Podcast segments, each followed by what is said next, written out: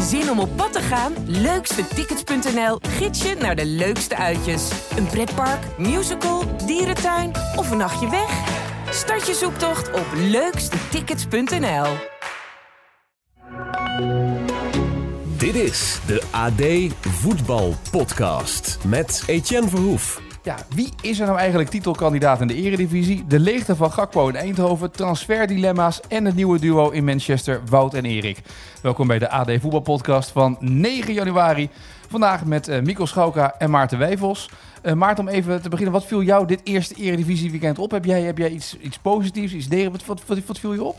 Ik was bij de wedstrijd van Ajax live in, uh, bij NEC en ja, dan, dan heb je toch nog een beetje het WK in je hoofd. Ja. Um, de, de, hele, de, hele, de, hele sfeer van zo'n WK, ook wel het niveau hè, van sommige spelers. En dan moet ik toch altijd wel even schakelen naar de eredivisie. Maar ik moet zeggen, door de rechtsbuiten van Ajax, hè, Conceição... Ja, dan krijg je toch een glimlach op je gezicht op zo'n middag. En ja, dat is een jongetje, hij is net 20. Uh, hij zal ook nog slechte wedstrijden spelen, maar hij heeft iets, iets iets prankelends. Binnendoor passeren, buitenom passeren. Uh, met lef. Uh, ja, dit is nou zo'n speler. Alfred Schreuder, uh, dat is toch een beetje het beeld wat we erbij hebben. Vindt het volgens mij moeilijk om echte harde keuzes te maken. Hè? Met, met Bergwijn en Berghuis en, en Tadic en, en Kudus en Brobby. En nu komt er zo'n ventje. Laat dit jongetje nou even staan. Want het is de enige bij Ajax die het ook gewoon uh, leuk vindt en, en, en, en die het natuurlijk past om aan die rechterkant te spelen. Ja. Ber Bergwijn ja, speelt er toch altijd een beetje met tegenzin. Tadic speelt er ook liever niet. En dan heb je hem die dat van nature heeft. Ja, laat hem staan. En goed, dan maak je maar de harde keuze. Dan gaat Steven Bergwijn, als hij terug is, dan gaat hij maar op de bank. En dan, uh, dan gaat hij vandaar maar proberen om, uh, om, om er weer in te spelen. Ik denk dat dat het enige is wat, wat Schreuder op dit moment kan doen om ja, om, om, om ook voor zijn eigen positie, om dat steviger te krijgen. Dat is toch knap, hè? Mossou probeert altijd NAC Breda erin te krijgen. Jij probeert altijd iets met Portugal erin te krijgen in die voetbalpodcast. Heb je nu weer Conceição, huppatee, nou. Portugal. Ja, zal weer niet zo zijn, hè? Bij deze. Ja, bij deze. Mikos, wat viel jou op dit weekend? Uh, Sander van der Eyck, scheidsrechter bij uh, PSV tegen uh, Sparta. Was toch gewoon een strafschop? Dat vond ik niet, maar even los ervan, of, want het, die discussie hou je natuurlijk altijd. De een zegt, ja, tuurlijk was dat een strafschop en, en de ander niet. Maar Los van dat feit uh, zien we een jonge scheidsrechter die, uh, ja, die bovenop de situatie staat, die dat geen strafschop vindt. Volgens mij valt daar ook wat voor te zeggen, mm -hmm. dat het geen, geen strafschop is. Het is niet zo dat iemand een bal met twee handen vastklemt of zo en dat hij dat heeft gemist. En die dan met de enige tegenzin volgens mij naar het scherm gaat, hè, waar uh, een manschot klaar zat om, om alsnog een, een strafschop naar Eindhoven te duwen. En nogmaals hoor, helemaal los daarvan of PSV nou wel of geen strafschop krijgt. Ik slaap er prima door, maar... Uh, ja, die zegt dan voor het scherm: Ik vind het allemaal veel te makkelijk en, en klaar ermee. En dat hebben we een klein beetje nodig, want we hebben te vaak scheidsrechters voor het scherm gehad die dan uh, een strafschop gaven. En een dag later zeiden: Ja, ja, ja met het scherm is toch moeilijk en de mindfuck. En Paul van Boekel en uh, weet ik het wat, wat, hoe moeilijk dat allemaal is als het publiek erachter staat. En het zal dan toch wel een strafschop zijn. Nou, hij deed het niet. En als je ziet hoe dicht alles bij elkaar ligt in de Eredivisie, dan zijn het natuurlijk wel hele, hele belangrijke beslissingen hè, die nu worden genomen. Want AZ ja. had die wedstrijd net zo goed kunnen winnen, PSV had die wedstrijd kunnen winnen, Ajax had die wedstrijd kunnen winnen, Feyenoord had die wedstrijd kunnen winnen. Ze winnen niet en Twente wel, het komt er dan nog bij. Dus ja, het is voor, de, voor de neutrale toeschouwer is het, is het volgens mij smullen, maar ook voor die fans van die vijf clubs die nu bovenin staan.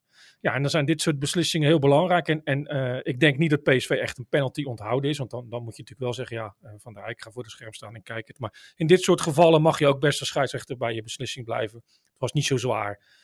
Geen strafschop. Sander van der Eyck heeft, uh, heeft persoonlijkheid getoond. En dan krijg ik op Twitter allemaal fragmenten toegestuurd of, of, of waarin hij het niet deed. Maar het is een jonge scheidsrechter die misschien toch wel, wel groeit. En dat durft in een stadion van een topclub. Dat, ik heb Joey Coy ook wel eens voor het scherm zien staan bij Feyenoord NEC. Dat wist je al genoeg. Ja. Die, die rende bijna terug om een strafschop of om een, uh, een doelpunt van Feyenoord goed te keuren. Nou, deze jongen durfde dat uh, aan om het andersom te doen. Dus dat viel mij vooral op. Ge gebeurt niet vaak, hè? Dat het inderdaad dat een scheidsrechter een VAR-moment heeft, dat hij moet kijken op een scherm, dat hij dan ook besluit inderdaad dat het een strafschop wordt. Ja, maar het, het is sowieso al een, een winst, denk ik, dat ze, dat ze zelf gaan kijken. En ja. Hè, want dat had Guzebuyuk vorig seizoen bij Feyenoord PSV, hè, waar, waarin het echt erom ging hè, in de laatste fase van het seizoen. ja, die, die deed dat niet. En altijd gaan kijken. En, en dit was ook zo'n moment. Ja, nou prima toch? Dan heeft hij het zelf gezien. En, en dan maakt hij een keuze, een beslissing. En dan is het, toch is het dan beter te verteren. Ook voor de fans die zich dan benadeeld voelen. Dan wanneer een scheidsrechter niet voor dat scherm gaat staan. Dat Ja. denk ik wel. Overigens dacht ik wel dat eh, we tijdens het WK hadden besproken dat Boeik had gezegd dat scheidsrechters niet meer zo snel voor de camera komen.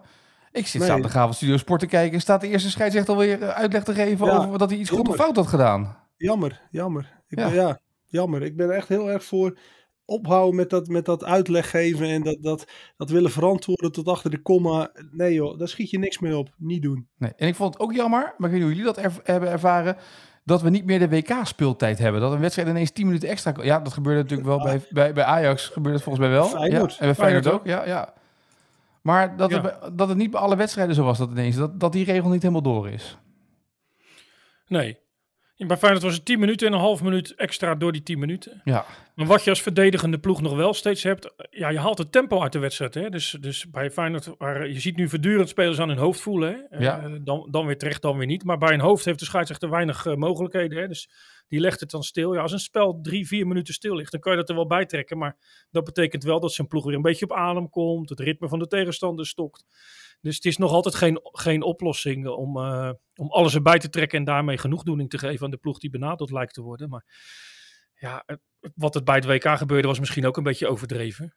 Ja. Maar, maar ik denk, in, het hebben toch ook gezegd dat ze dat in de Eredivisie niet gaan doen. Ja, bij Feyenoord kon het, kon het bijna niet anders. Het lag zo vaak stil dat je inderdaad wel naar de 10 minuten moest. Ja, Feyenoord gelijk eh, met 1-1 tegen FC Utrecht. Ajax gelijk met 1-1 tegen NEC. PSV 0-0 tegen Sparta. Vitesse, of AZ ook gelijk tegen Vitesse.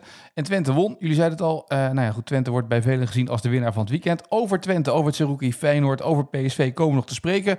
Maar we beginnen eventjes, ehm, leek mij wel aardig, in Amsterdam. Kijk, het, eh, wat voor ons belangrijk is, waar we op gehamerd hebben, is dat er een frisse, eh, frisse ploeg op het veld moet staan. Met energie en met, eh, met een speldiscipline. En ik vond dat we dat vandaag uite- uiteindelijk prima hebben gedaan. En vijf minuutjes na rust hadden, we, hadden we het even lastig. En ze krijgen een vrije trap tegen. En daarna kwam, vond ik dat we toch wel weer goed in de wedstrijd kwamen. de allereerste stelling van deze podcast. Want we gaan gewoon in 2023 ook weer op de maandag vier stellingen doen. Op basis van het speelweekend en wat we gezien hebben allemaal in het voetbal. Maarten, jij bent bij Ajax geweest, bij NEC Ajax. Stelling 1 is, Schreuder valt een keer niets te verwijten bij Ajax. Ja, nou ja, daar ben ik het eigenlijk wel mee eens. Want dit was zo'n wedstrijd. Ja, als ze hem tien keer spelen, dan winnen ze hem negen keer. En, en, en dit keer niet. En ja, als je zag de eerste helft, wat, wat een kansen. eh, Ik herinner me zo uit het blote hoofd. Taylor die, die op acht meter van de keeper staat. En, en hem eigenlijk binnen kan schuiven, schuift hem naast. Eh Sillissen, hè, toch wel de opvallende keeper bij NEC. Ja, die, die pakt er ook nog twee, drie zekere doelpunten. Redt hij. Dus ja, dit is een wedstrijd die ze, die ze normaal gesproken winnen. En ja, ik vond, ik heb zitten kijken. eh, eh, PSV op tv gezien. Feyenoord heb ik het minste van gezien omdat ik in de auto zat. AZ gezien.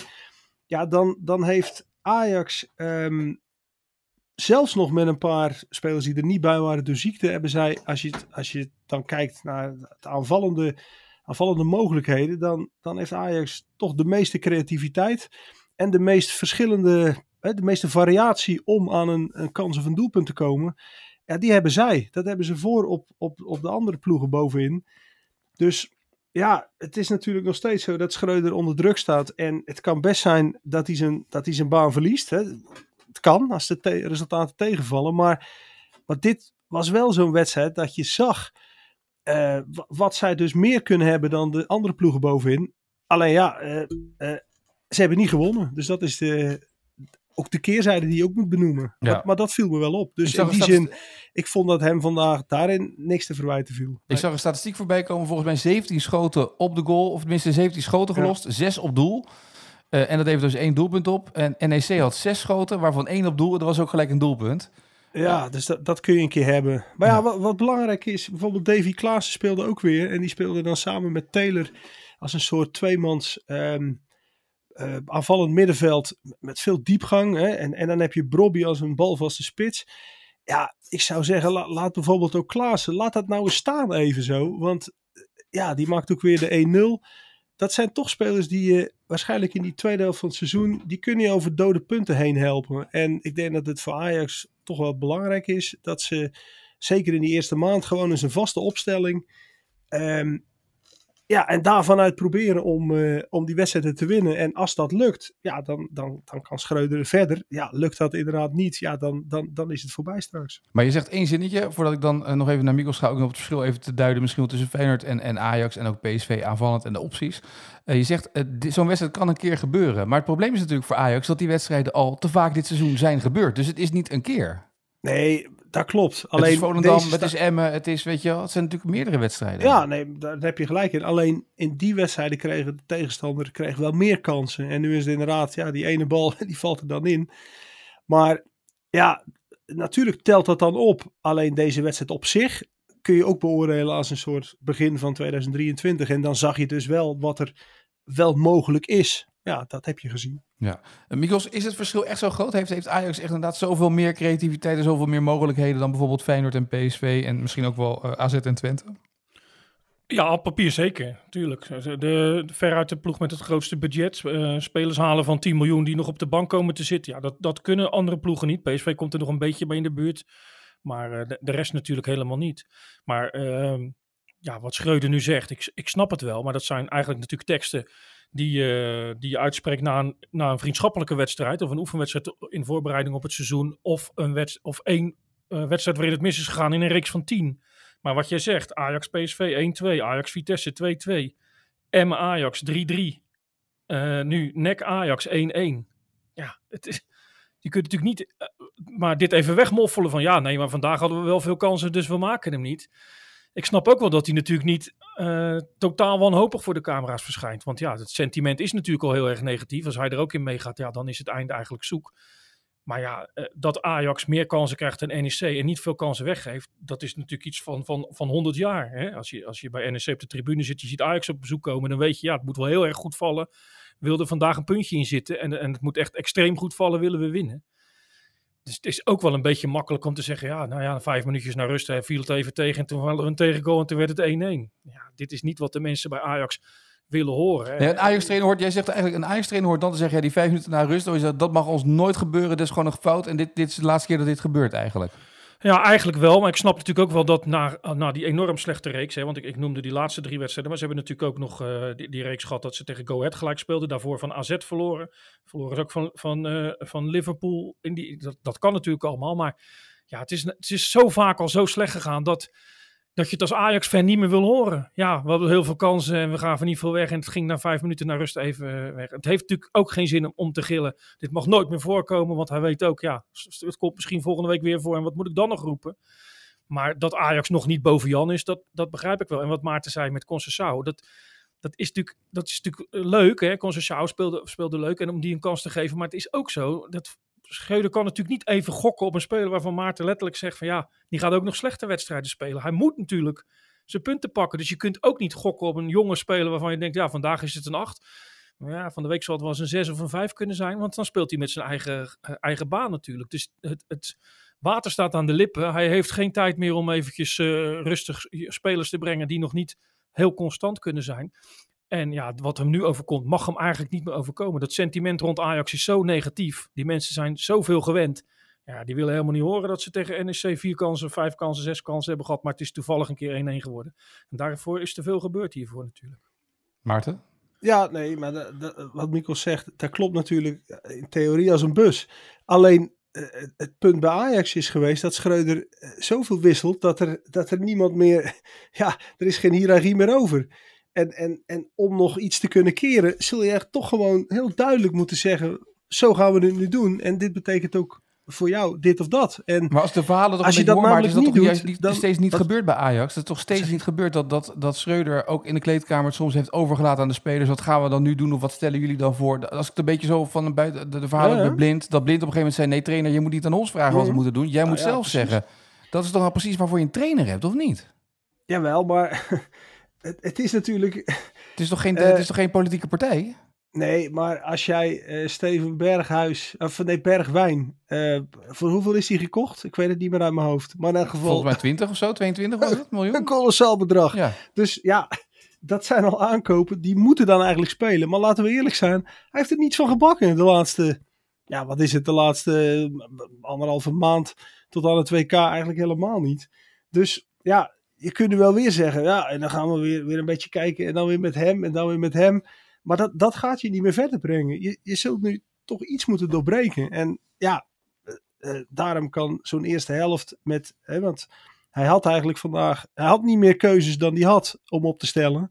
Ja, dat, dat kan misschien ook, ook een begin zijn van iets wat, wat je ook kan helpen. Dus ik, ik vind het wel heel interessant hoor, wat er nu, hoe dat nu verder gaat. En uh, ja, dat, dat, dat, dat is een beetje wat ik bedoel. En, uh, en inderdaad, uh, ja, Conceição zal natuurlijk nog wel, wel slechter spelen. Maar dan, je kan hem ook wisselen in een wedstrijd. Maar het, het gaat toch een beetje om wat ga je nu doen om duidelijkheid te creëren? En, en een soort, ja, toch een soort pikorde in dat elftal. Ja, dat zal toch moeten gebeuren. Ja, ik, zat, uh, ik, ik hou vaker Netflix-series aan. Ik zat de Netflix-serie Last Chance You basketbal te kijken. Um, dat is het tweede seizoen waarin ze een team volgen in Californië. En die coach in het eerste jaar hadden die bijna de state finals. En dat was allemaal heel mooi. Maar het jaar na corona kreeg je allemaal jongens terug van een hoger niveau. Allemaal Division One spelers. Die kreeg hij allemaal terug naar junior college. En hij dacht eerst, ik ga al die jongens opstellen. Ik heb zoveel talent in mijn ploeg zitten. Ik ga die jongens die van Division One teams komen, die ga ik opstellen. En ze verloren en het liep niet en het ging helemaal mis. En op een gegeven moment zei hij, nee, ik ga naar terug naar de jongens. Die brengen wat ik wil dat ze brengen in een basketbalteam. En dan gaan die andere jongens hun speelminuten wel maken vanaf de bank, maar niet meer als starters. Uh, puur de keuze maken voor het beste team. Ja, maar kijk, maar het is ook, ook ik vind het ook wel een beetje beschamend. Um, dus Daily Blind is weg. En Owen Wijndal... Nou, verschil maakt het wel gelijk hè, bij Ajax. Dat zie je ja, gelijk. Ja. ja. maar dus Owen Wijndal, dat is dan eigenlijk de speler. Dat die moet het dan gaan doen. Maar dan is de, de conclusie van die dan door de trainer ook wordt uitgesproken. Ja, hij brengt te weinig momenteel. Hij moet, hij moet meer brengen. Ja, maar dan ben je als Wijndal... Dit, dit kan je toch bijna niet verkopen aan supporters. Dat jij dan eigenlijk de man moet zijn die het moet gaan doen. En dan is de conclusie, ja, ja hij, hij moet er eigenlijk meer aan doen. Ja, ik vind dat wel, ik vind ik wel eigenlijk wel een beetje schokkend hoor. Ja. En um, ja, en ja, dat, maar goed, dat heeft misschien ook wel te maken met ja, dat de lat dan blijkbaar gewoon hoger moet. En nou ja, zeg het maar gewoon dat hij niet voldoet. En dan is het dan hem om zich er weer in te knokken. Ja? We gaan door naar de tweede stelling. Wij zijn bezig met een goed seizoen. Uh, we mogen zelfs dromen uh, over de eindstand in, in deze competitie. En dan ga je toch niet een van je uh, beste spelers ga je in de winter wegdoen. En, en Ramis is een goede speler, heeft zich heel goed ontwikkeld. Is een, vind ik, fijne persoonlijkheid. Maar ja, wij willen graag van de zomer hem die kans bieden en niet nu. Ron Jans bij Goedemorgen Eredivisie bij ESPN. Uh, de stelling, Mikos. FC Twente zou wel heel dom zijn om dit seizoen Seruki te verkopen aan een concurrent. Al is het voor 15 miljoen. Nou ja, dan moet je natuurlijk naar de financiële uh, cijfers van zo'n club kijken. Uh, jij redeneert in deze stelling een klein beetje als een supporter. Nee, en ik redeneer ook, puur zeg maar, dat je het beste team wil behouden als je ziet dat je kans hebt om meer dan je misschien wel in de komende jaren zal krijgen in de competitie. Tuurlijk, tuurlijk. En, en dat is ook een belangrijk aspect. Maar het allerbelangrijkste is natuurlijk uh, ja, de boekhouding van een club. Die, die kan ja, ik niet zo goed inschatten. Nee, bij Twente niet, wil je zeggen. Nee. nee, maar dat is natuurlijk zo. Als, als zij dat geld nodig hebben, ja, dan kun je niet, dan kun je niet uh, gokken op dat ze inderdaad in die top 5 omhoog stomen en, en inderdaad bij de top 2 eindigen. En dan moet je hem verkopen. Als je denkt dat je het kunt uitzingen en dat je er straks met wat minder geld uh, genoegen kan nemen, dat dat, dat dat voor de boekhouding niet zo erg is. Ja, dan moet, je dat, dan moet je dat doen. Zij zijn natuurlijk niet verplicht als Feyenoord op de stoep staat om te zeggen, nou neem hem maar mee. Dat, dat, daar hebben ze alle recht toe. Maar dat zijn ze wel verplicht aan, aan, ja, aan alles wat er ooit in, bij die club is gebeurd, als, als het financieel gewoon noodzakelijk is. Hè? Maar, zou dat nou zo, maar stel dat Feyenoord nu komt met een bod van 7,5 miljoen of zo. En, en je kan in de zomer 5 miljoen voor hem krijgen. En misschien na een heel goed jaar dat het buitenland wel meer wil betalen. Ja, het probleem is volgens mij ook dat heel veel van dat geld gaat niet naar FC Twente. Hè. Volgens mij zit de gemeente daar nog, nog in. Nou ja, er komen natuurlijk zaakwaarnemers. Dus ja, een paar miljoen is, zijn ze natuurlijk niet, uh, niet mee gered. Er zijn natuurlijk ook mensen die zeggen, ja, daar zit Ron Jans. Hoe lang zit hij er nog? Daar zit Jan Strooijer, die gaat ook niet lang meer door. Zijn die wel genoeg bezig met de, met de boekhouding van de club? Of denken die alleen, ja, van die laatste seizoenen nog even een prachtige prestatie neerzetten. Ik, ik snap wat je zegt. En alle supporters van Twente zullen zeggen, ja, natuurlijk ga je niet een, een, een, aan een club verkopen die maar twee of drie, vier punten boven je staat en waar we straks de titelstrijd mee aangaan. Maar behalve als, je, als het financieel noodzakelijk is. En, en de Eredivisie is nou eenmaal zo dat, het, dat er elke keer weer verkocht moet worden. Ja, in dit geval, als dat niet zo is, dan kun je inderdaad voorstellen dat ze zeggen: ja, als wij Zerouki houden, dan versterken we in ieder geval niet een, eh, een concurrent. En dan hebben we zelf ook een goede speler. Maar Twente moet natuurlijk ook wel rekening houden. Ja, als die geblesseerd raakt, verkoop je hem van de zomer ook niet. Ja, maar Dus dat, het zijn dat- wel dat vind ik- risico's die je neemt natuurlijk. Dat is zo'n als-als discussie. Maar aan de andere kant, wat Ron Jans bij Goedemorgen Eredivisie zei... en wat wel aardig was natuurlijk, dat hij zei... AZ zei ooit in de winterstop gaan we geen spelers verkopen. Dat doen we alleen in de zomer, zijn ze op te pikken. We hebben die hebben het ooit een, een winter gedaan dat ze niks verkochten. En hij zei ook, eigenlijk zouden wij als Twente... niet meer moeten willen dat wij onze concurrenten in de Eredivisie sterker maken... maar dat onze spelers naar het buitenland vertrekken, dat we ze daaraan verkopen... in plaats van dat ze naar Feyenoord of naar Ajax gaan. Maar ik zie Maarten al nee schudden. Ja, dat is ook weer zo. Dat is vanuit Twente en AZ wat te begrijpen. Maar dat is voor ons voetbal is dat gewoon niet goed. Je moet gewoon nog steeds van FC Twente of van FC Utrecht of misschien ook wel vanaf AZ moet jij gewoon een speler de kans blijven gunnen om naar Ajax, PSV of Feyenoord te gaan. Zoals Paul Bosveld vroeger van Twente naar Feyenoord ging. Eh, eh, ja, Kees van Wonder heeft de overstap gemaakt van, van Eredivisie naar, naar Feyenoord. Eh, nou ja, PSV, Numan, diverse dat soort jongens natuurlijk. Hè? Eh, Dries Mertens en Ja. dat soort jongens, dat, dat moet gewoon blijven kunnen. ehm, eh, ook in, in de huidige verhoudingen. Alleen, ik snap wel dat, dat eh, Twente nu echt het onderste uit de kan wil. Oké, dat mag. Eh, en dan zullen we zien waar het op uitkomt. Maar het, het, ja, nee, het, het is voor voetbal echt dramatisch als, als dat niet meer kan. Want dan gaan allemaal spelers, die gaan dan naar, nou, noemen ze een dwarsstraat, die gaan dan spelen bij... Manchester United. Strasbourg. Strasbourg. Ja, nee, maar Nee, maar dat bedoel bijvoorbeeld. Ja. Bij Strasbourg of weet ik veel wat, kom op. Nee, dat, dat moeten we echt niet willen. Maar Mikos, eh, eh, is Nou, twee dingen daarover. Ja. Twee dingen daarover. Eh, Slot begint daar zelf over. Hè. Die zegt, als je nu als speler voor een club als Twente, AZ of, of eh, laten we zeggen Utrecht tekent en jij hebt het idee dat je later nog een keer een tussenstap wil maken bij PSV, Ajax. eh, eh, bij PSV, Feyenoord, Ajax is iets ander geval. Die kunnen wel neerleggen wat er gevraagd wordt. Dan moet je een clausule in je contract op laten nemen. Dus Seruki had destijds eigenlijk moeten denken, ja, als ik die tussenstap wil maken, had ik een clausule, moet ik een clausule. Dan zeg ik, ik wil, eh, jullie mogen mogen vragen wat je wil voor me. Maar als Feyenoord komt of als PSV komt, dan wil ik voor, laten we zeggen, 4, 5 miljoen weg. Dan was hij nu verkocht geweest. Dat zegt Slot natuurlijk in de Ja, hoedanigheid maar van ik wou zeggen, zei dat als Ja. trainer van AZ ook? Toen zei hij dat volgens mij niet als trainer van Cambuur. Nee, als- als speler als- zei hij het zelf denk ik ook niet. Als trainer, in, nou dat zegt hij in de hoedanigheid van Feyenoord, natuurlijk is het Ja. zo. Maar eh, dat raakt natuurlijk wel aan wat, Ma wat Maarten zegt. Hè, Feyenoord kan ze niet meer betalen. Dus voor het voetbal zou het beter zijn als je nog een keer een tussenstap maakt. Hè. En dan hoef ik niet allemaal boze Twente supporters die zeggen... ja, wij- zijn niet minder dan Feyenoord. Dat snap ik ook wel. Maar over, als je het op de lange termijn bekijkt... moet je natuurlijk eigenlijk nog een keer bij de top drie eh, kunnen, kunnen, kunnen tussenstappen... om dan de volgende stap te zetten. Dat is voor je eigen carrière vaak beter. Voor je portemonnee wat minder waarschijnlijk. Maar eh, voor de lange termijn is het goed. Voor Feyenoord is het goed. Voor het Nederlands voetbal is het goed. Voor PSV is het goed. Maar ja, dat lukt dus niet meer. Dus Feyenoord zegt, wij halen allemaal buitenlandse jongens. Want die zijn goedkoper. We kunnen eigenlijk, in plaats van Zerouki, kunnen we eigenlijk drie Noren halen, bij wijze van spreken. Ja, precies. En, en dat doen we dan maar. Dus wat krijgt Feyenoord? Die krijgt een volledig buitenlands elftal, waar nu nooit iemand over begint. Maar als Feyenoord vandaag van Utrecht had verloren, ze verliezen volgende week van Groningen en eh, ze vliegen eruit voor de beker tegen, tegen PEC, dan begint iedereen over het feit dat het een vreemdelingenlegioen is.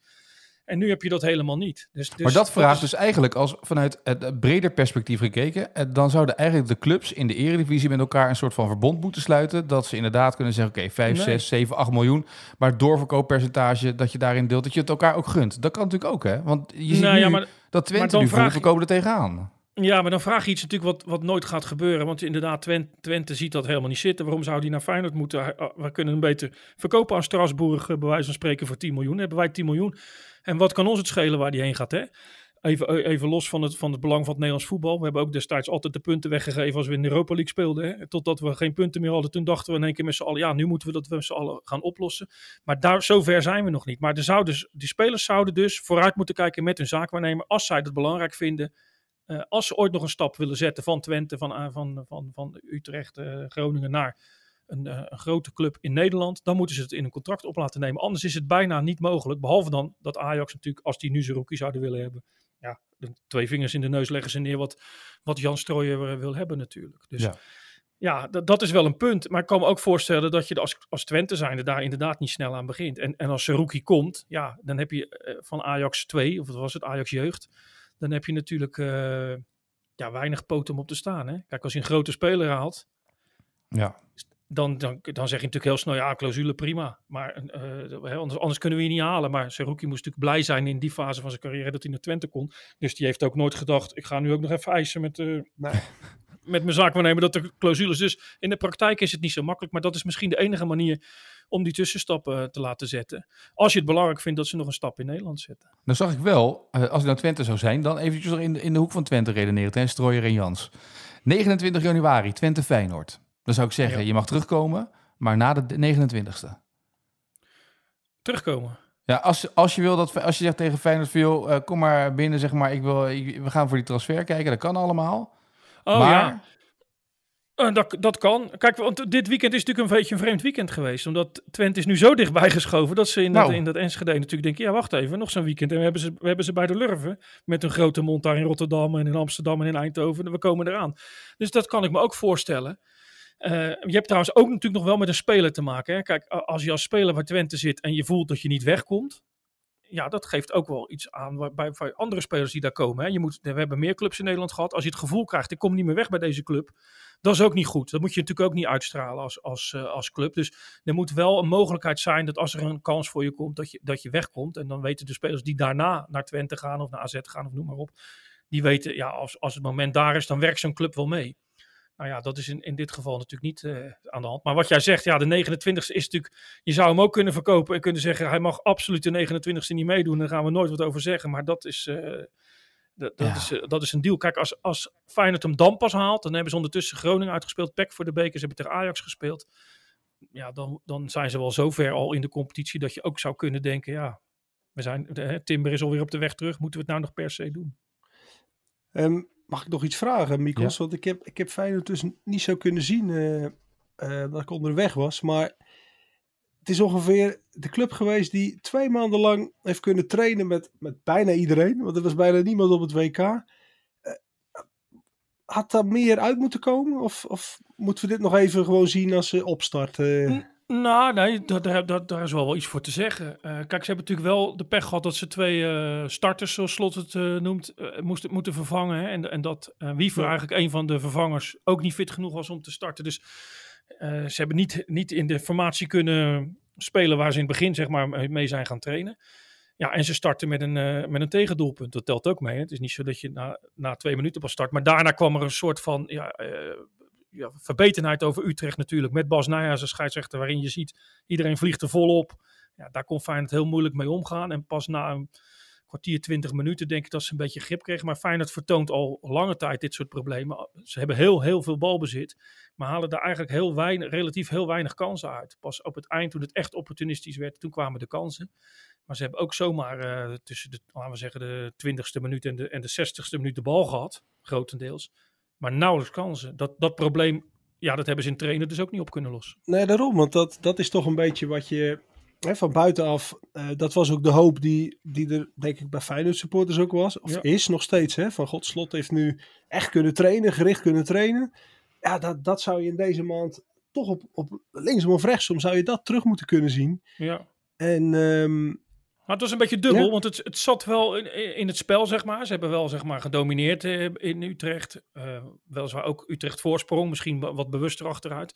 Maar het was niet zo dat het helemaal niet terug te zien was in het spel. Wel te weinig kansen. En het resultaat is natuurlijk dat je daar wat kritischer naar kijkt. Wordt het daar 1-2, 1-3, dan denk je al snel, nou ja, ze hebben goed getraind. Het is een moeilijke start, zijn we er overheen. Ja, over Zerouki gesproken trouwens. Eh Feyenoord heeft weer een bod gedaan. heeft het bod verhoogd. Ja. Exacte bedragen zijn, zijn niet bekend, maar eh, ze, ze geven dus niet op. En ik zag ook het zandlopertje van Zerouki, die volgens mij nu ook wel intern denkt van ja, wacht even. eh, van de zomer heb ik heel vriendelijk gedaan en aardig en lief.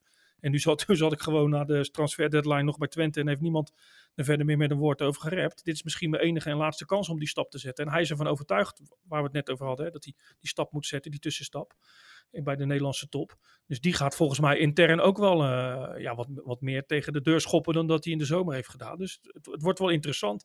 Ron Jans is heel duidelijk en Jan Strooijer is nog eh, veel duidelijker. Dus Ja. ik, ik zie het er nog niet 1, 2, 3 van komen. Maar als Saruki natuurlijk zelf ook stennis gaat schoppen, om het maar zo te noemen. Ja, dan komt er misschien wel een gaatje. ja, en Sjoerd dat, ook al zei, dat, zou, Ja. dat zou ik nou weer eh, ook weer toch weer niet goed vinden van zo'n speler. Want laten we wel zijn, Twente heeft jou wel de kans gegeven nadat je inderdaad eh, hè, vanuit de tweede van Ajax, wat was het? Wat zei je? Ja, Ja, de jeugd. De jeugd. dus ja daarom. Dus dat, dat maakt het... Ja goed, we zullen Ja, het zo- zien hoor. Maar... Zo oordeelde hij natuurlijk van de zomer. Maar misschien Ja. dat hij nu denkt, ja, als ik dat standpunt blijf, eh, dan zit ik Ja. hier in 2034 nog ineens. te- Nee, ze hebben gezegd in de zomer mag je weg. Dus ze hebben ook wel, ze hebben ook wel perspectief gegeven. Het is niet Ja. zo dat ze zeggen je mag hier nooit meer weg. Je zit vast aan de golfsvesten en eh, je komt er nooit meer uit. Dat is zo, maar, maar de optie ligt er nu. En de optie ligt er waarschijnlijk niet meer van de zomer. Want als nu deze week het afketst, dan haalt Feyenoord een andere speler. Die gaan natuurlijk niet... En dat, en dat zou dan kunnen betekenen dat je in de zomer zegt... ja, hebben je niet meer nodig. Kijk naar de transfer van Bazoer, die afgelopen winter niet rondkwam. hè. Ja. Toen zei iedereen, dan haalt Feyenoord hem van de zomer. Nou, het zijn ze een beetje gaan puzzelen. Hebben wat andere spelers gehaald. Bazoer is nog wel in gesprek geraakt met Feyenoord. Kreeg een aanbod. eh, financieel, dat, dat was eigenlijk helemaal niets. Hè. Dat, daarvoor kon hij nog wel komen, maar anders niet. En toen ging dat niet meer door. Ja, maar Mikos, het is heel simpel. Als hij tot de zomer wacht, dan haalt PSV hem op als vervanger van Sangaré die dan weggaat. Dus dan heeft hij zijn tussenstap alsnog. Dus Seruki, gewoon even wachten. En dan kun je in de zomer alsnog weg. Alleen dan nog naar een andere top 3 club. Ja. Ja. het is wel interessant hoor, hoe dat, hoe dat verder gaat. Ja. Eh, goed, we hebben in ieder geval een bod gedaan, Feyenoord, nog eh, op Seruki. eh, om te kijken of ze toch nog kunnen binnenhengelen. En of, ik- de vraag is natuurlijk of Strooijer heeft opgenomen. Want dat, dat is een beetje de vraag. Nou, Ik begrijp wel dat Strooier altijd keurig opneemt. Maar Ja. ik had het van de week geprobeerd te omschrijven in de krant als... ja, dat, dat, dat Feyenoord zich eigenlijk een soort meldt alsof ze bij een, bij een tandarts voor een wortelkanaalbehandeling komen. ja, dat vonden de fans bij- ook leuk, hè, geloof ik, dat je dat zo omschreef. Ja. Ja, maar wat bij Jan, wat bij Jan niet... ja, ja, Jan is daar heel duidelijk in, Jan Strooijer. Ik ken hem niet persoonlijk, maar ja, die is ook heel open. Hè, want hij, Ja. hij neemt ook de journalisten daar in de regio op en vertelt gewoon hoe de situatie zit. Dus dat, dat valt te prijzen. Maar hij is er heel duidelijk in. Ja, en dan is de vraag waar we eigenlijk aan het begin van de, deze eeuwigdurende discussie over... van, eh, Heeft Twente dat geld nodig? Of zeggen ze, joh, kan ons het schelen? Nu 6 miljoen, eh, dat hebben we niet nodig. We gaan, we gaan voetballen. Hij brengt ons misschien wel in de top 3. Verdienen we ook weer geld aan. We gaan, het, we gaan het niet doen. Ja, voor Feyenoord zou het een dubbele klap zijn. Een goede speler halen en de concurrent verzwakken. Dat is natuurlijk, dat zou wel een... eh, ja, het zou, goed, zou voor die andere clubs in Nederland ook goed zijn in de top. Want Ja. als Twente, Twente zijn rookie kwijtraakt, zijn ze toch een stuk minder. Het, eh, En ze doen nu echt mee. Misschien dat Ajax er dan wat geld kan lenen aan Feyenoord of zo. Of PSV. dat Ajax zegt, ja. wij financieren Ja. hem voor... eh, Ja, kan hier, ja. 3 Goed, miljoen extra, haal hem weg daar alsjeblieft. Het worden wat dat betreft boeiende transferweken. We gaan door naar de derde stelling van deze podcast. Kijk, ik geef alleen aan, op het moment dat je, dat je een beste speler verliest, dan eh, worden de kansen niet groter. Dat, dat, is, dat hoeven we niet moeilijk over te doen. Maar dat gaan we wel opvangen, zo goed als we kunnen. En dan eh, de ambities binnen de club blijven hetzelfde. Maar goed, je hebt wel ingeleverd. Ja, dat was Ruud van Nistelrooy voor de wedstrijd eh, PSV-Sparta. Eh, dus nog voor de, voorafgaand bij het interview bij ESPN. Eh, Maarten, stelling 3. Als PSV niets doet om Gakpo te vervangen, is het figurant de rest van het seizoen. Nee, nee, nee, helemaal niet. Want ja, dat is deze eredivisie. Daar, daar gaat niemand een beslissende slag slaan voorlopig. Dus ehm, dus PSV blijft ook meedoen. Maar alleen, ze- hoe ze speelden. Kijk, je hebt over kansen creëren. Je vraagt het net aan Mikkel Ja, was bij Feyenoord. maar- Je hebt bij Ajax. Maar dit was wel echt heel pover. Ja, nee, maar eh, eens. Maar goed, eh, je kunt ook zeggen, ze hebben hier vlak voor hebben ze tegen AC Milan gespeeld. Toen wonnen ze 3-0. Dus het zal ook een beetje... Wat Maar ik heb voor jullie geleerd, oefenvoetbal moet je altijd met 27 korrels zout nemen, hè? Ja, ja, maar toen zag je wel een paar dingen waarvan je zegt, ja, dat had, eh, dat had tegen Sparta. De eerste 20 minuten zag je ze wel. Als ze toen hadden gescoord, dan winnen ze hem. Maar het, het, het zit er een beetje in. Ehm, bij PSV, eh, bijvoorbeeld, zit hem ook in Madueke. Dat is natuurlijk een, een leuke speler om te zien. En tegen Milan maakte hij dan het verschil. Maar dan, dan gaat hij denken dat hij dat steeds moet doen. En dan wordt het geforceerd. En als PSV eh, iets nodig heeft, zeker in dit soort wedstrijden, dan is het dat je als je met Luc de Jong voorin staat en je brengt ook Guus Stil nog in, dan heb je twee spelers, het is al vaker bewezen, hè, die met de kop iets kunnen. Dan ga je het gewoon op die manier forceren en dan valt hij wel een keer. Maar ja, dan heb je wel spelers nodig, zoals Jetro Willems in het verleden, vroege voorzet, eh, Arias die er dan overheen komt. Maar ja, nu spelen ze met Philip Max. Ja, dat is gewoon niet goed genoeg. Als, als een soort opkomende back. En Maar ja, die is overal, Philips Max. Die staat, die staat ineens zeg maar, op middenveld. Die, staat, die, die, een soort van vrije Ja. rol gekregen. En, en aan de andere kant hebben ze het nu zo ingericht dat de rechtsback eh, These, die staat meer als een soort centrale verdediger op te bouwen. Dus ja, dan is, moet het van Madueke komen, die dus steeds voor, voor eigen succes gaat. Ja, dan, dan, dan maak je het jezelf wel heel ingewikkeld. En dan, eh, dan kan het dus ook gewoon 0-0 blijven in zo'n thuiswedstrijd. Dus dat zullen ze, denk ik, de komende wedstrijden proberen om dat, om dat anders in te richten. En ehm, ja, dat zal moeten. Maar ik denk in deze eredivisie, dan wat ik zeg, ze spelen ook tegen elkaar. Ajax tegen Twente, Feyenoord tegen Ajax. PSV heeft op papier, ja, voor wat het waard is, een paar wedstrijdjes Fortuna, PSV. Ze spelen, ehm, even kijken, thuis tegen Vitesse. In Emmen, ze spelen Go Ahead thuis. Ja, dat, dat, dat zou toch moeten lukken dat dat wel een vracht punten oplevert. Ja, maar dan moet je wel kansen creëren. Dat, volgens mij, ik heb altijd geleerd van trainers dat als je geen uh, kansen creëert, uh, dat, dat ze zich dan zorgen gaan maken altijd. En zoveel heeft PSV niet gecreëerd tegen Sparta. Nee, maar het is nou ook weer niet zo dat je, wat ik net zeg. Je hoeft niet alles op één wedstrijd af te wentelen. Alleen, je zag wel meteen dat ze er dus iets mee moeten. Nou ja, de, dat, dat zullen ze toch wel proberen, lijkt me. Maar dan nog iemand halen, is dat een oplossing, Mikos, denk jij? Voor, voor PSV? Ja, als je, als, als je iemand kunt vinden en iemand uh, is betaalbaar, dan uh, dat, valt natuurlijk niet mee in de winter. Maar iemand van de, van de klasse van uh, Gakpo halen, ja, dat is, dat is natuurlijk moeilijk. Ja. Dus ja, dan zou je het misschien beter kunnen doen zoals je het nu doet met El Ghazi. En het, iets halen is ook niet altijd de oplossing. Hè? Dus ja, ik weet niet of dat het is, of je hem dan meteen kunt inpassen, of die aan de bovenkant gelijk PSV beter maakt. Dat, dat zal niet meevallen. En dan, dan ben je ook het, gelijk het geld van Gakpo weer kwijt. Die discussie hebben we ja. natuurlijk al eerder gevoerd. Ja. Maarten, je noemde trouwens Max, hè? Uh, met de, speel, uh, de manier van spelen van Max en van These achterin, centraal achterin. Uh, het voelde daarmee ook een beetje alsof Madueke een soort van alleen op die rechterkant liep. Uh, en dat, dat er niemand was die dan als backer overheen kwam, waardoor, het ook nee. waardoor die steeds tegenover twee man stond. Dus dan vroeg ik me ook af, als je dan je sterspeler aan de rechterkant staat die het voor je moet doen, moet hij dan niet wat, wat ondersteuning krijgen? Ja, ja, nee, maar precies, daar, daar zat geen verrassing in. En als hij dan zelf ook nog een beetje de verrassing weghaalt, ja, dan, dan wordt het wel heel ingewikkeld. Ja. Dus, um, en, en, maar laten we ook niet vergeten, want ik, ik vond het ook, dat was teleurstellend, PSV, duidelijk. Maar dat Sparta ja, is ook gewoon, hebben het echt goed voor elkaar dit seizoen.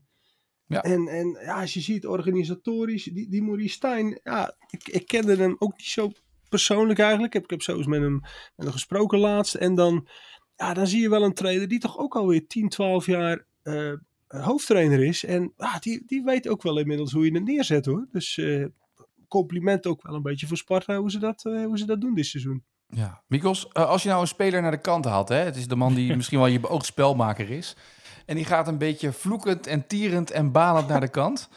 Um, moet je dan als trainer zeggen, dat snap ik wel, weet je wel, die is gewoon gefrustreerd, of zeg je, uh, daar gaan we nog even een kop koffie over drinken, want ik kan niet zo. Hoe, hoe reageer je erop als trainer? Nou, ik vond de reactie van Van Nistelrooy uh, richting de verslaggeving niet goed. Dat, dat was irritatie richting de vraag die heel uh, plausibel was natuurlijk. En, en het gelul van, uh, hij was, dat zei hij dan zelf niet, maar dat wordt dan vaak als, als conclusie getrokken. Hij was boos op zichzelf. Ja, de groeten. Hij was boos op zichzelf en dan ga je zo... Hij heeft al die tijd heel hard op, op Veerman staan schelden in het veld. Dat is natuurlijk onzin. Hij is boos dat hij gewisseld wordt. Maar dat zegt wel iets, zo'n eerste wedstrijd na de winterstop. Daar zit je als trainer niet op te wachten. Ik kan me ook wel weer een klein beetje indenken dat Van Nistelrooy het wel mee vond vallen. Want die hebben we ook wel eens het veld uit zien komen. Nou, dat, dat, dat, dat, dat was Veerman een heel lief jongetje bij in dit geval. Maar ja, het, het, het is 0-0. Je moet als trainer wat. Je, je, haalt de speler eruit. Dan zit je gewoon niet te wachten op iemand die heel erg boos is. En, en, en die zal misschien tien minuten later hebben gedacht: joh, dat kan ik beter niet doen. Maar doe dat nou niet. En, en dan moet ik nog wel eens denken aan Hakim uh, Ziyech, die ik uh, ooit een keer interviewde. En die zei: Als ik zo het veld uitkom, toen had Veerman het nog niet gedaan. Dan is de, is de, is de wereld te klein. Maar Jurgensen deed het een keer bij Van Bronckhorst. En toen zei iedereen, ja, Jurgensen is teleurgesteld. Hè? Als een spits niet scoort, is hij teleurgesteld. Dan ben je boos als je het veld uitkomt. Daarin wordt dan vaak wel een beetje met twee maten gemeten. Want als Tanane zo het veld uitkomt, dan zijn we allemaal over de zeik. Maar Joey Veerman, Volendamse jongen, leuk in de interviews, hè, aardige jongen, jongen die ook het potentie heeft om het Nederlands zelf te halen, die is boos op zichzelf. Nou, dat vind, dat vind ik echt een beetje te makkelijk. Ik kan me voorstellen dat Van Nistelrooy als hij het nu terugkijkt, dat hij denkt, ja, die vraag van Milan uh, van ESPN was heel normaal. Het was wel misbaar. Hij heeft ook met zijn armen staan zwaaien. Die heeft hij waarschijnlijk gemist. Ik had daar misschien anders op moeten reageren. En ik ben niet blij, maar dus ik denk toch dat Fred Rutte en, uh, en, en Nistelrooy hem toch van de week even bij zijn bij zijn oren pakken hoor. Was het niet zo dat Ziyech toen ook in datzelfde interview zei dat, eh, dat Ten Hag toen tegen hem had gezegd... luister jongen, wat er ook gebeurt, weet dat de camera's altijd op jou staan. Dus hoe je ook reageert, dat bepaalt eigenlijk jouw toekomst. En als je daar met veel misbaar gaat staan, is dat het beeld dat alle clubs in de wereld van je hebben. Ja. Dus het moment dat je daar gewoon omdraait en weet die camera staat ermee, ik loop gewoon weg en ik geef mijn ploegenmaat, wens ik veel succes. Ook al baal je. Was het toch Ten Hag die dat zoiets had gezegd tegen hem ook? Ja, ik weet niet of het in hetzelfde interview was. Dat kan ik me niet zo haarfijn herinneren. Het is ook al een tijd geleden. Maar daar heeft hij natuurlijk wel een punt. Eh, de- iedereen kijkt mee. En er zijn natuurlijk altijd mensen die denken... ja, bij ons doet hij dat niet. Maar het zegt wel iets over een speler als die zo het veld uit, uitgaat. Ik kan me ook wel voorstellen dat het natuurlijk niet in je opkomt... op het moment dat je gewisseld wordt... en je, en je wordt daar heel boos om... omdat je zelf denkt dat je een weergeloze wedstrijd speelt. Dan kan Maarten beter beoordelen dan ik... of, die, of het terecht was of niet, die wissel. Maar dat je dan niet denkt... ja, wacht even, nou moet ik even normaal doen. Want als Chelsea meekijkt en eh, die vinden dat misschien vervelend als ik dat doe. Dus zo werkt het ook niet. Maar naar je ploeggenoten toe, naar je trainer toe, die het beste met hem voor heeft, die hem opstelt waar die, waar die eh, wil spelen. Ja, dan moet je die teleurstelling gewoon heel snel wegstoppen. Het staat 0-0, jij hebt die wedstrijd ook nog niet beslist. Ja, dan kom je wel eens aan de beurt. Maar, maar, maar dat laatste, maar, maar dat is het. Als nou Veerman de man is die het altijd beslist voor PSV en, en, en dan steeds wordt gewisseld na het 79 minuten, ja oké, maar dat, dat is niet zo. Nee.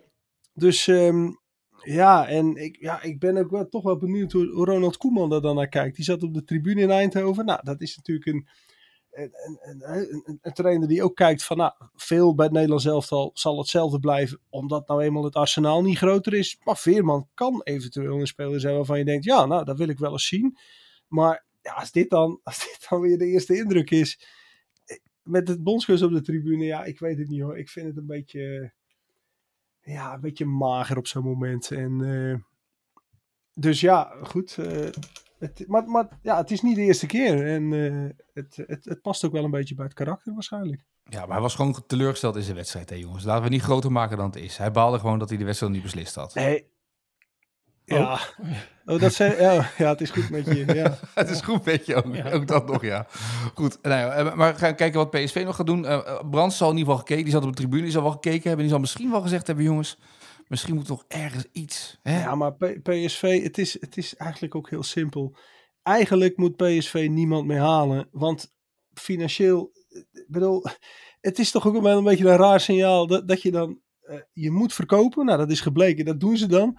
En dan vervolgens dan eh, toch maar weer half weer dat geld uitgeven. Ja, dat, dat, is, dat is ook maar weer half dan. Het, het- ja, ze hebben gewoon toch eh, van de zomer al gedacht, El Ghazi erbij. Hè? Op papier klinkt dat goed. Nou, die is nu volledig basisspeler. En daarachter zou ehm, Savio? Savio, precies, die is gehaald. Die, een half jaar, ja, dat, dat, die hoefde er niet meteen te staan. Dat was duidelijk. Maar dat, ja, dat zou nu de volgende moeten zijn die zo eens een beetje aansluit. Eh, Ze hebben eventueel Saibari nog. Hè, die, niet dat hij op die positie moet spelen, links of rechts buiten. Maar daar heeft hij in ieder geval op rechts wel gespeeld.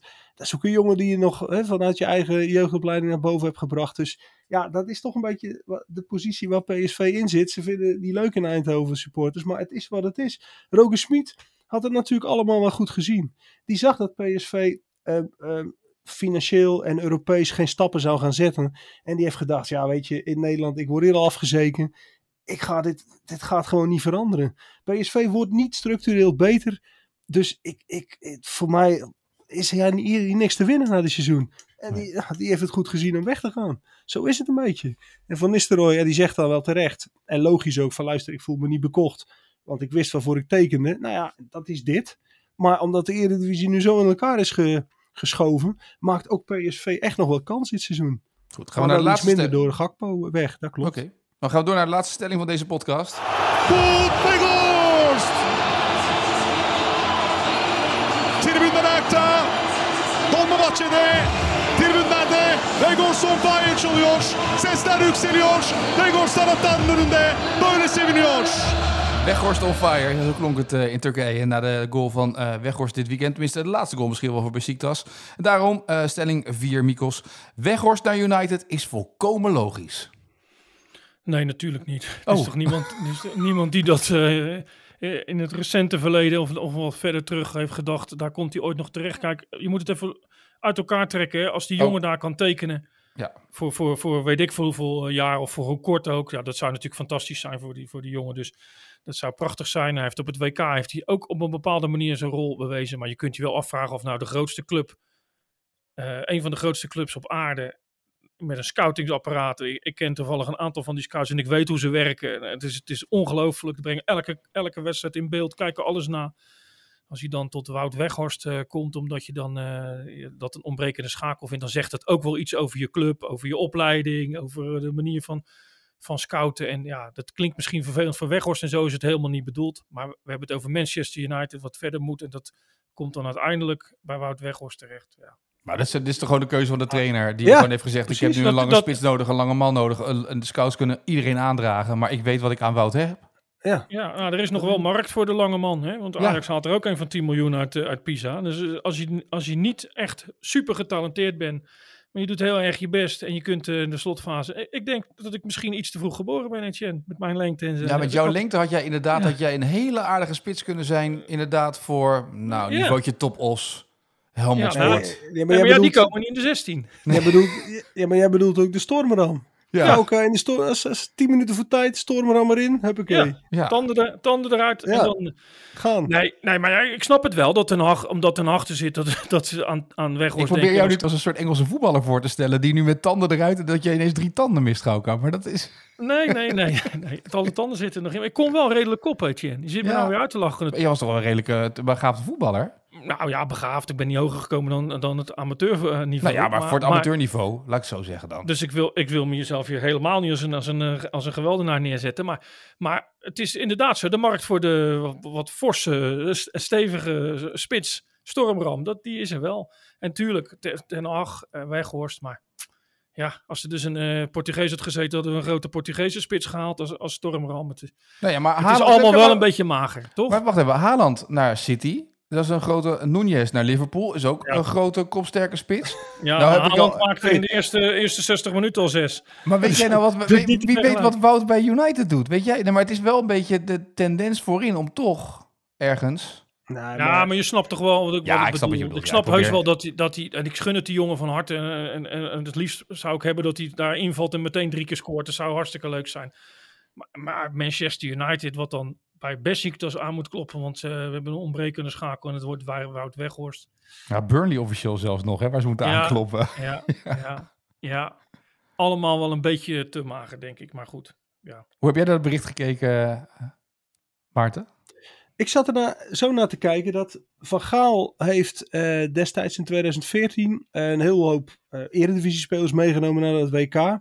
En er hebben een aantal hebben daar best nog een leuke transfer gemaakt. Omdat ze op dat WK hadden meegedaan. En nu heeft hij, had hij ook Weghorst meegenomen dat WK.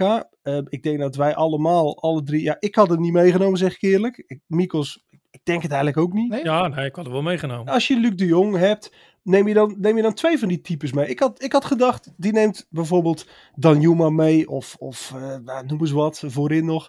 Maar goed, uh, ik wil maar zeggen, Van Gaal neemt hem mee... En geeft hem dan ook nog een rol. Dat speelt natuurlijk toch ook wel een beetje mee in het feit dat hij dan na zo'n WK toch een beetje in de picture staat. Er zijn misschien mensen bij United die dan zeggen: Ja, trainer, als jij hem wil. Ja, ja, die viel wel op op het WK in de tijd dat hij meedeed. Dat scheelt dan toch ook weer. Dus ja, zo zat ik er naar te kijken. Van dan heeft dan toch op zo'n WK meedoen. Ja, dat heeft dan toch ook wel weer effect misschien op, op de kansen voor je op zo'n transfermarkt. Op het draagvlak, denk ik. Want ik denk op het niet draagvlak? Dat, ja, ja, ja, precies. Ten Hag zal, ten Hag zal er wel los van staan. Maar die kan inderdaad wel zeggen, ja, kijk, Vergaal uh, deed dit. Nou ja, precies. En, en dat, ja, dat is dan toch weer, weer ja, noem het, noem het maar ook wel weer grappig hoe dat dan kan werken. Ja. ja. ja. Het was trouwens, dus dat, zo keek ik er naar een beetje. We gaan eens kijken hoe dat, hoe dat gaat lopen de komende dagen. Het is nog niet officieel, maar zoals Weghorst uh, het publiek in Turkije gedag zei, zei eigenlijk al voldoende, zeg maar. Hè? Zwaaiend naar hun met, uh, joh, bedankt met die goal met links. Maar zo uh, gaat hij elke wedstrijd het veld af, hè? Maar is in alles enthousiast natuurlijk, hè? Dus, dus daar hoeven we geen conclusies uit te trekken, hoor. Als, uh, okay. maar Wout, okay. volgens mij niet. Het, twee hey, maar ja. krijgen natuurlijk wel eens, wel eens klachten, hè? Dat ja. we het dan over Ajax, Feyenoord, PSV hebben gehad. En dan krijgen we natuurlijk altijd klachten uit Arnhem en uit... nou ja, uit je, van, van, uit je eigen Woudenstein, uh, uit, uit uh, Deventer. Van Dokken en de Roosstadion heet dat tegenwoordig, hè, wat je Woudenstein zegt. Dat mag niet meer, hè? Krijgen ze weer boze berichten. Maar je binnen. zal nu FC Groningen directeur zijn. En ja. je verliest met 1-0 bij Excelsior de eerste naar de winststop met Dennis van der Rey. Is eigenlijk ja. een gok. Je kunt niet meer zeggen, nou Dennis, we doen het toch niet. Hè? Je zal de, de technisch directeur Fouke Boy van Cambuur zijn. En je haalt Ulte binnen en je denkt, nou, Die eerste wedstrijd na de winterstop, bam, die winnen we meteen van eh, Volendam. Zijn we daar in ieder geval af. 0-3. Ja, ja, dan ja daar wilde ik nog even naartoe, ja, naar deze wedstrijden. Ja, onderin. Ja, dat zijn toch wel even tikkies, hè? En, en Vitesse hebben we natuurlijk ook een beetje om gelachen in het begin van het seizoen. Hè? Hadden geen spelers en Let's, Ja. wat moest die nou? Maar Cocu haalt toch zijn puntjes, hè? Bij Ja, Ajax maar- uit. Bij AZ uit. ja, maar Cocu, ik heb hem natuurlijk bij PSV jaren van dichtbij meegemaakt. Ja, dat is gewoon een hele realistische trainer. En die zet het zo wel neer dat dat, dat, dat zou wel moeten lukken bij Vitesse. Om, die, om niet meer in problemen te komen. Nee, maar ik vond het ook wel mooi dat nu Groningen naar buiten toe brengt dat ze het jongste Groningen ooit hebben neergezet. Ja, maar- Alsof dat, dat is zo- zo- zo'n woord het om is dan... ook- het is voor je club toch ook eigenlijk wel vrij dramatische publiciteit. Als jij allemaal trainers benadert die zeggen, nee, nee, daar heb ik geen trek in. Ja. Ja, dat wordt echt heel ingewikkeld daar hoor. Nou, ik heb die wedstrijd zitten kijken, hè, zoals jullie begrijpen, onder de Ja. heaters. Eh, en ik moet zeggen, de eerste 20 minuten, half uur dacht ik, oeh, weet je, Zeker. Groningen zet heel erg de beuker in ook. Maar die gingen echt, weet je, en dat, daar had Excelsior niet van terug. Goede kansen. Excelsior, eh, twee goede kansen, hè. Het waren, Ja. het- uiteindelijk waren er twee. Keer van Maar wel groot, hè? Ja, maar daarna eh, moet ik zeggen, de beste kansen, ook tweede helft waren voor Excelsior in die wedstrijd. Die, die hadden gewoon die 1-0 ook wel op dat moment verdiend. Klopt. En ook klopt. die- zonder grootste spelen eigenlijk, want die, die hebben ook bijna geen doelpunten natuurlijk. Dat is een beetje het probleem onderin de Eredivisie, doelpunten maken. Het voordeel van Excelsior is, die beginnen aan een seizoen en die weten, ja, dit is het. Hè? Ergens halverwege hebben we misschien 10 punten. We hopen ze snel te hebben. Dan gaan we naar de 15. En dan gaan we een beetje verder kijken. Die weten dit seizoen, het gaat tot de laatste wedstrijd. En als we het supergoed hebben gedaan, zijn we twee wedstrijden eerder veilig. Ja, Groningen, die had dat ook kunnen weten. Want ja, die hebben ook geen super eh, selectie. Maar die zijn, ja, als je nu aankomt met de jongste ploeg. De jongste ploeg blijft niet in de Eredivisie. Daar kun je Nee. zeker van zijn. Nee. Dus, dus dat wordt hem ook niet. Ja, Ja, er waren wat ervaren spelers geloof ik ook nog geblesseerd bij Groningen. Dat is de andere kant. Maar voor, ook voor Cambuur met, met Ulte die binnenhalen en dan dit. Dat is natuurlijk ook wel... En hetzelfde gaat een beetje... Ik moet ook zeggen... Ik heb me wel geërgerd aan die trainer van Fortuna. Ik bedoel, ik weet dat het... Dat, dat, het- dat, dat- maar in de eerste helft, dat, dat, dat theatrale langs de lijn... het slaan op een dugout, echt doe normaal. Doe normaal. Dat gaat, op een gegeven moment is dat effect er ook weg. Dat, dat, dat de spelers Ja, dan, dan- denken... Ja, daar staat dan eh, er staat een, een, een trainer als René Haken lijnrecht tegenover. Hè? Ja, die beweegt nog wel af en toe, maar weinig inderdaad. Ja, nee, maar dat is natuurlijk wel. Ja, ik, voor mij is dat op dit moment voorlopig de, de Eredivisie-trainer van het jaar. Want als je met Go Ahead tien wedstrijden ongeslagen kan blijven. En dan ook nog nadat je ehm, een succestrainer bent opgevolgd. Hè, want laten we eerlijk zijn, we dachten toch allemaal. Ja, van wonderen Go Ahead. Ja, dat, dat is een soort wonder gebeurd. Dat gaat ze niet nog een seizoen lukken. En je doet dat dan, presteert nu dan zo. Ja, dat is, dat is, dat is echt wel heel knap hoor. Met Ja. zo'n ploegje. En, ehm, en ze, ja, ze doen het echt keurig. En als je dat dan afzet tegen inderdaad eh, Fortuna, de, de, de, de, de- de adrenaline spuit uit je oren. Nou, nee, dat, eh, dat wordt moeilijk. Ja, ondanks eh, dat er bij Fortuna natuurlijk genoeg geld is. Goed, volgens mij Ja. eh, zijn we er redelijk. Ja, moeten we nog Vialli even benoemen? Eh, dat was natuurlijk wel Ja. een mooi eerbetoon in La Gazzetta ook. Hè? Vier, Ja. was het, 24 pagina's geloof ik. Ja, ja. Ja, heel triest natuurlijk. Ja. Ja. En met terugwerkende kracht die beelden met Mancini, hè, nadat ze die prijs eh, wonnen. Ja. ja, dan krijg je toch het gevoel dat zij eh, wisten wat, wat er natuurlijk eh, Ja. op, op niet al te lange termijn aan zat te komen. Dus het was niet alleen het vieren van een prijs, maar ook eh, ja, die vriendschap die ze dan samen hadden. En dat het misschien hun allerlaatste kans was geweest. Ja, het is, eh, het is diep treurig natuurlijk. Ik had zelf niet het idee, als je iemand dan weer terug ziet keren, hij was al ziek bij zo'n nationale ploeg, dat je dan denkt, ja, dat, dat komt wel weer goed. Hè? Als je, als je, maar dat is dus blijkbaar eh, verkeerd ingeschat. Ja, heel triest. En dan, als je dan de beelden voorbij ziet komen, ja, het, waren twee geweldige spelers natuurlijk, Mancini en, en Vialli. Maar Vialli, ja, schitterend. En ook al die eerbetonen van al die andere grote spelers uit de wereld, dat, dat vind ik wel mooi hoor. Weinig interlands zag ik ook, 58. Ik zag ergens, zo is dat, ik dacht, nou, dat vond ik- ten opzichte tegenwoordig heeft iedereen 100 interlands. Met, met Vialli als spits zou je toch denken, die heeft er Ja, maar, toch? ja. maar goed. Zijn, zijn er wel 48 meer dan jij, Etienne Verhoef? Nou, Nee. 58 meer, kan ik je vertellen. 58. Ja, jij had er geen, je had er geen 10. Oh, hè? Nee, ik had er net geen je er tien. nog tien Nog af? iedereen, Nee. iedereen heeft er wel 10, dacht ik, Ik, heb nog. hier, ik, heb, nee, ik ben nog niet in de tijd van Marco van Basten gedebuteerd. Toen was ik net te oud. Anders had ik het misschien nog wel kunnen Maar redden. hij ja. komt nog wel uit een periode dat er niet zo heel veel eh, eh, werd gespeeld. Nee, wel meer klopt, dan, ja. dan in de maar- tijd van de 70, eh, de jaren Ja. 70. Maar. Maar bijvoorbeeld Van Basten is natuurlijk door zijn blessure ook, maar die heeft er ook maar 58. En ehm, ik denk Gullit heeft er volgens mij in de 70 of zo. Dat is ook niet bijzonder veel. Dus ehm, ja, Een veel goede spitsen, hè, had Italië in die... In die Ja. Ja, zeker. Ook dat ja. Ik vond dat verhaal van... eh, wat, wat- er werd een verhaal verteld de afgelopen dagen ook... dat eh, hij had zijn chemokuren gehad... en toen belde die Mancini op... Ja. Om, eh die Mancini was bondscoach geworden en om dat te zeggen, joh, weet je, ik heb die, de Mancini zei, ik wist al lang dat je aan de chemo zat, weet je, wel. ik als bondscoach van Italië hoor je alles te weten. Maar Ja. kom langs, dan drinken we een kop koffie en dan zijn we gewoon weer vrienden zoals altijd. Ja. Ik vond dat, dat, hoe dat verhaal ook, weet je, hoe hij dat vertelde Mancini, maakt me niet uit, maar dat vind ik een prachtig verhaal, weet je, dat, dat zo, Ja. het is goed zo, we zijn vrienden, kom binnen. Ja, daarom. Dus het is nu wel weer even genoeg geweest met dode, dode grote spelers, vind ik. Ja, dat denk ik ook, ja. Voorlopig Maar ja. weer, eh, PLM was nog december, hè? Want anders... eh, ja. maar die was dit dus- weekend herdacht. Dus ja, eh, ook in de eredivisie, overal een minuut stilte natuurlijk. Nee, maar anders hebben we de spits voor het eh, de overleden elftal voor het komend kalenderjaar al binnen. Want Ja. een betere zal het toch niet snel, eh, hoop ik niet. Maar Nee. Nou ja, goed. Laten we dat in ieder geval hopen. Dat, dat ze voorlopig even Ja. weer onder ons blijven. Eh, jongens, dank voor deze podcast voor vandaag. Morgen een nieuwe met Sjoerd. Ik wens jullie een mooie dag. ja.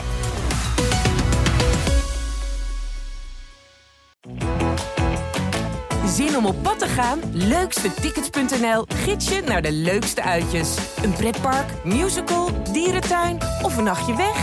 Start je zoektocht op leukstetickets.nl.